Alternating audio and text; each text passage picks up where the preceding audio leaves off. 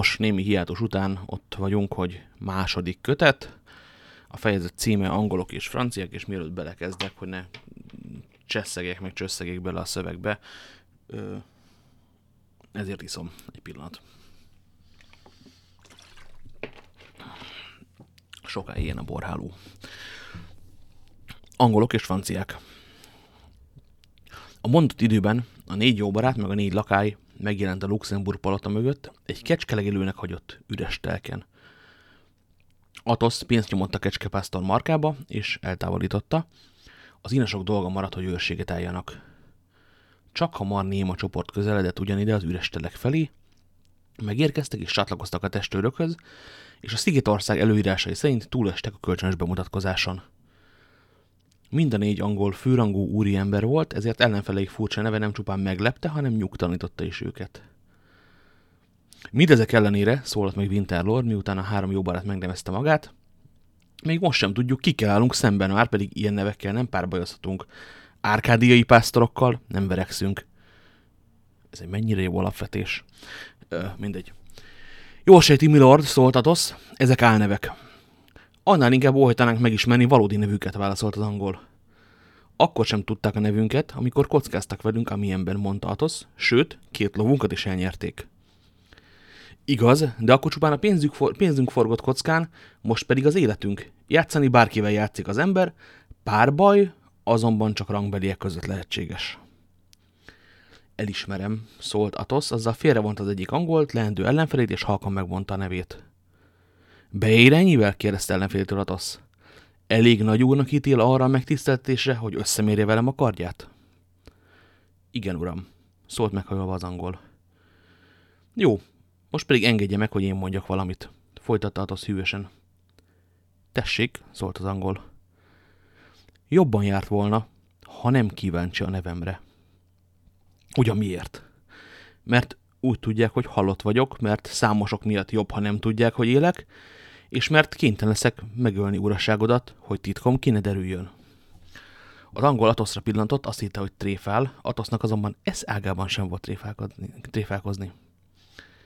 Kezdhetjük, urak? kérdezte Atosz egyrészt cimboráihoz, másrészt ellenfeleikhez intézve a szót. Kezdhetjük, válaszoltak egy emberként az angolok és a franciák. Akkor hát ki a kardot, vezényelt Atosz. Már is nyolc pengén csillagant meg a lenyugvó nap sugara, és, mint illik is kétszerekes ellenségek között, áldáz indulattal kezdődött meg a tusa. Atosz higgadtan és módszeresen vívott, mintha vívóteremben volna. Portos, akit Chantilly kalandja szemlátomást kigyógyított a túlságos önbizalomból, példásan nagy a furt és óvatos ellenfél volt. Aramis alig várta, hogy költeményének harmadik énekét befejezze, sietett, mint akinek sürgős dolga van, Elsőként Ata szölte meg ellenfelét, egyszer döfte meg csupán, de mint megmondta halálosan, a kard az angol szívét járta át. Másodjára Portos terítette le magáét, combját sebezte meg, mivel az angol feladta a harcot és átnyújtotta kardját, Portos karjára emelte és a hintójához vitte. Aramis olyan keményen szorongatta maga hangolját, hogy az hátrált vagy 50 lépést, aztán az inasok gúnyos nevetések közepette szégyenszebben megfutamodott. D'Artagnan tisztán és egyszerűen védekezésre szorítkozott, és mikor látta, hogy ellenfele alaposan kifulladt, egyetlen erélyes oldalvágással kiütötte kezéből a pengét. A báró, miután lefegyverezték, két-három lépés hátrált, de hirtelen megcsúszott és hanyat esett.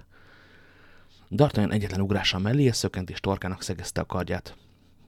Megölhetném, uram, szólt az angolhoz. Kezemben van az élete, húga kedvéért azonban megkegyelmezek. D'Artagnan alig fért a bőréből örömében. Előre kigondolt terve valóra vált, ezért járt, bocsánat, ezen járat tehát az eszét, ezt szövögette, miközben, mint említettük, oly derűsen mosogott nem régében. Az angol el volt ragadtatva tőle, hogy ellenfelé ilyen vérbeli, nemes, hogy ilyen könnyű vele szót érteni, Kebrére ölelte hát D'Artagnant, és három testőrt is körüludvarolta. Minthogy pedig Portos ellenfelét közben kocsiába tették, Aramiszé pedig útilaput kötött, a halottra fordították minden gondjukat. Portos és Aramis remélte, hogy az angol sebe mégsem halálos, levetkőztették, és közben tömött erszény csusszant ki derék szíja alól. D'Artagnan fölvette, és Winterlord felé nyújtotta. Mi az ördögöt csináljak ezzel, kérdezte az angol. Adja vissza a családjának, mondta D'Artagnan. Érdekli is a családját ez a koldus alamizsna. 15 ezer arany évjáradékot örökölnek utána, tartsa meg az eszény, erszényt, adja az inasaiknak. D'Artagnan zsebre vágta a pénzt. Most pedig fiatal barátom, mert remélem megengedi, hogy így nevezzem, mondta Winterlord. Ha kívánja, még ma este bemutatom Lady Clericnek, a hugomnak, azt szeretném ugyanis, ha ő is kegyeibe fogadná, és mivel van némi szava az udvarban, talán még javára is válhat, ha egy-két szót szól az érdekében. D'Artagnan elpirult örömében, és belegyezésű meghajolt. De ekkor Atosz mellé lépett. Mi a szándéka az erszényjel, súgta fülébe. Úgy gondoltam, magának adom, kedves Atoszom. Nekem? Ugyan miért? A zsákmány a győztest illeti. Még, hogy én vegyem el az ellenség pénzét, mondta Atosz. Hát minek néz engem tulajdonképpen? Így csinálják a háborúban felel D'Artagnan, miért ne csinálhatnánk így a párbajban is? A csatatéren sem csináltam soha, szólt Atosz. Portos vállat vont, Aramis ajkát bigyeztve jelezte, hogy Atosszal van egy véleményen. Akkor adjuk a pénzt énasainknak, mondta D'Artagnan. Winterlord is ezt ajánlotta. Jó, szólt Atosz, adjuk, de ne a mi énasainknak, hanem az angolokénak. Atosz fogta az erszint, és egy kocsis markába nyomta. Osszák szét egymás között. Még Portos is elámult, hogy valaki, akinek egy fillér sincs a zsebében, ilyen nagy vonalú lehet. A franciás nagylelkűséget Winterlord és barátja széltében hosszában elhíreztet, és feletté méltányolta is mindenki, kivéve Grimaud, Musketon, Planchet és Bazen urakat. Érthető módon. Winterlord elköszönt D'Artagnantól, és átadta neki Huga a lakás címét a királytéren. Az akkori divatas negyedben lakott a hölgy a hatos szám alatt. A Lord különben megígérte, hogy elkíséri D'Artagnant és bemutatja. A fiatalember este nyolcra beszélt meg vele találkozót Atosz lakásán. Ami Gasconyinak egyéb sem járt a fejében, mint ez a bemutatkozás. Visszagondolt rá, milyen furcsa módon avatkozott bele eddig is sorsába a Milady. Biztosra vette, hogy a nő a bíboros megbizotja, és mégis valami ellenállhatatlan vonzotta hozzá valami megfoghatatlan ösztön, maga sem tudta mi. Csupán egyetlen félelme volt, Milady ráismerhet, Mönkben és Doverben is találkozott már vele. Akkor azt is tudni fogják róla, hogy Tévi úr barátja, tehát szívvel lélekkel a király hívja, és akkor már is csökkennek az esélyei, mert ha Milady is úgy ismeri őt, mint ő a Milédit, akkor egyenlő fegyverekkel folyik a játszma. A nő és Vardesgrove között kialakulóban levő kaland sem érdekelte túlzottan a barátunkat, akinek valamelyes fejébe szállt a dicsőség. Nem igen érdekelte bármilyen fiatal, szép és gazdag is volt a Márki, és bármilyen biztosan állt is a bíboros kegyében. Nem csekkéség, ha 20 éves és ráadásul tárbi az ember. D'Artagnan mindenek előtt tündökletesen kicsípte magát, aztán visszasírtett Atosz lakására, és szokás szerint mindent elmondott barátjának. Atosz meghallgatta a terveit, azután megcsóválta a fejét, és meglehetősen keserűen óvatosságra intette. Hát igen, mondta neki. Alig, hogy eltűnt a kedvese már is új szoknya után fut. Jól lehet maga mondta, hogy Bonacioni jóságos, kedves és kifogástalan teremtés. D'Artagnan érezte, hogy jogos a szemrehányás. Bonacionit a szívemmel szerettem, a minélit pedig a fejemmel szeretem, mondta. Legfőképpen azért akarok közelébe férkőzni, hogy ki tudja, mi a szerepe az udvarban. Ej, a teremtés, tehát mi volna? Abban, amit elmondott, nem nehéz kitalálni. A bíboros ügynöke kétes nőszemély hamarosan kelepcébe csalja a kegyedet, és a játék a naív D'Artagnan fejébe kerülhet. Az áldóját, kedves Atoszom, azt hiszem túl sötéten látja a dolgot. Nem bízom a nőkben, édesfiam. Nagyon mókás egyébként, azok a 30 éves sincs emberek kedves fiamozzák egybe, a szövegben egymást. szóval, nem bízom a nőkben, édesfiam, nekem ez már a kenyerem, nem is tagadom. A szőkenő pedig különösen veszedelmes. Ugye azt mondja a Milady is szőke. Na tessék még az is. Gyönyörű szőke haja van, sose láttam még ilyet. Hajaj, szegény D'Artagnan szólt Atosz. Nézze, Atosz, körül kell szimatolnom. Ha megtudtam, amire kíváncsi vagyok, kereket oldok. Csak szimatoljon, szólt Atosz szemtelenül. Winter Lord a megbeszélt időben érkezett, Atosz azonban, mivel jókor figyelmeztették, átment a szomszéd szobába. Így a Lord egyedül talált D'Artagnant, már nyolc járt az idő, így hát azonnal eltávoztak. Elegáns fogat várt lent az utcán, és két remek ló egy pillanat alatt a királytérre repítette őket.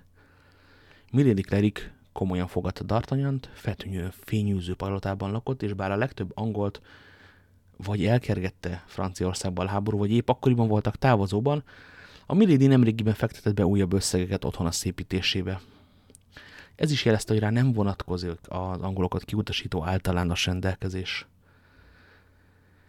Nézzem ezt a fiatal embert, kezdte Winterlord, miközben mondott a húgának Dartanyant. Kezében volt az életem, és ő mégsem élt vissza előnyös helyzetével, jól lehet, kétszeresen ellenségek vagyunk.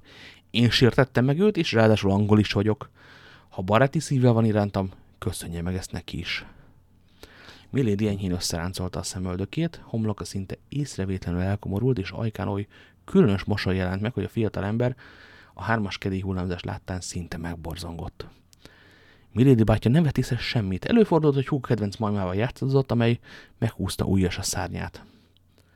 Isten hozta, uram, szólta Milady, és hangjának, saját, hangjának sajátos szerítsége sehogy sem lett a bosszúság jelleihez, amelyeket D'Artagnan épp az imént figyelt meg.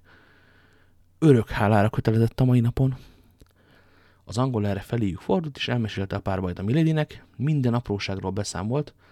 Milady feszülten figyelt, de nem volt nehéz meglátni rajta, hogy bármennyire is igyekszik, leplezni a hangulatát, nem leli kedvét a történetben. A vér az arcába szállt, és pici lába türelmetlenül topogott a hosszú szoknya alatt, de kis cuki mondat. Mindez elkerülte Winterlord figyelmét, elbeszélés végeztével egy asztalhoz lépett, egy tálcán egy pohár és egy palack spanyol borált. A lord megtöltött két poharat, és megkínálta D'Artagnant. D'Artagnan tudta, hogy az angolok igen rossz néven veszik, ha valaki nem van tosztot inni velük. Az asztalhoz lépett, hát ő is elvette a másik poharat, de közben szemmel tartotta a Milédit, és a tükörből láthatta, milyen változás játszódik le az arcán. A nő azt hitte már nem figyelik, szinte féktelen dülángolt a vonásain, vadul zsebkendőjébe harapott. Most belépett a csinos szobacica, akin D'Artagnannak már ezelőtt is megakadt a szeme, a harmadik nő. Néhány szót szólt Winterlord, az angolul és a férfi nyomban engedélyt kért D'Artagnantól, hogy visszavonulhasson. Sürgős ügy szólítja, megkérte hugát, hogy mentse ki ő is D'Artagnannál. Fiatal barátunk kezet szorított Winterlord, és visszatért a Milédihez. A nő meglepően mozgékony arcvonásai ismét bájosan kisimultak, mindössze zsebkendőjén mutatta néhány elszórt vörös folt az imént vérese harapta az ajkát. Pompás ajka volt, piros, mint akkorall. Ettől fogva vidáman csevegtek, Milady látszólag teljesen visszanyerte önuralmát. Elmondta, hogy Winterlord nem a bátyja, hanem csupán a sógor, ő pedig egy jó nevű nemesi család legfiatalabb örököséhez ment feleségül, és egy gyermekével özvegyen maradt. A gyermek lesz Winterlord egyetlen örököse, ha Lord nem házasodik meg. D'Artagnan úgy érezte, titok leplet akar előle valamit, és még nem lát a lepel mögé. Egyébként áradozva szépelgett, váltik hangoztatta, a szolgálatkészségét, Milady kegyesen mosolyogva hallgatta gaszkonyi barátunk ízetlen bókjait. Elérkezett a távozás ideje. D'Artagnan elköszönt a Milady-től, és eltávozott a szalomból, senki emberfia nem volt nála boldogabb. A lépcsőházban a csinos szobalányjal találkozott, miközben a lány elhaladt mellette, ruhája könnyen hozzáért D'Artagnanhoz. A szobalány fülig pilulva szabadkozott, és a hangja oly kedves volt, hogy nyomban el is nyerte a bocsánatot. D'Artagnan másnap újból visszatért, és még szívesebben fogadták, fogadták. Winterlord nem volt jelen, és egész este Milady játszotta a házigazda szerepét. Úgy látszott, fölöttébb érdekli D'Artagnan, kikérdezte, hova valósi, kik a barátai. Nem gondol néha rá, hogy a bíboros úr szolgáltába lépjen hú, de átlátszó. D'Artagnan, mint tudjuk, 20 év ellenére igen óvatos volt, és egyszerre feltámadt minden gyanúja a Miledivel szemben. Agyba főbe dicsérte hát ő eminenciát, és azt mondta a hölgynek, hogy minden bizonyal a bíboros gárdisai lett volna, hanem a királyé, ha Trivi úr helyett például Kavoa urat ismerte volna meg. Milady nem feszegette a kérdést, más tárgyra tért, és minden célzatosság nélkül könnyedén megkérdezte D'Artagnant, járt-e már Angliában? D'Artagnan azt felelte, hogy járt, Trévi úr küldte ki lóvásárlásra, hozott is magával mutatóban négy lovat. Társadalás közben Milady nem egyszer savanyúan pillantott maga elé, kemény ellenfél ez a gaszkonyi. D'Artagnan ezúttal is ugyanabban az időben távozott, mint előző este. A folyosón megint a csinos Kettivel találkozott, így hívták a szobalányt. A lány kedvesen nézett rá, pillantása félreérthetetlen volt. D'Artagnannak azonban annyira lefoglalta minden gondolatot a ház úrnője, hogy a lánya kapcsolatban semmit sem vett észre harmad és negyed nap szintén ellátogatott a Milédihez, és a hölgy minden este szívesebben fogadta. A fiatalember minden este újra meg újra találkozott a csinos szobalányjal, hol az előszobában, hol a folyosón, hol a lépcsőn. De, mint említettük, észre sem vette szegény Ketti álhatatos közeledését. Ennyi volt a mai Szent Evangélium. Ennél, hát most igazából ilyen szenvedős részek jönnek, de nem baj, túléljük együtt. Sziasztok!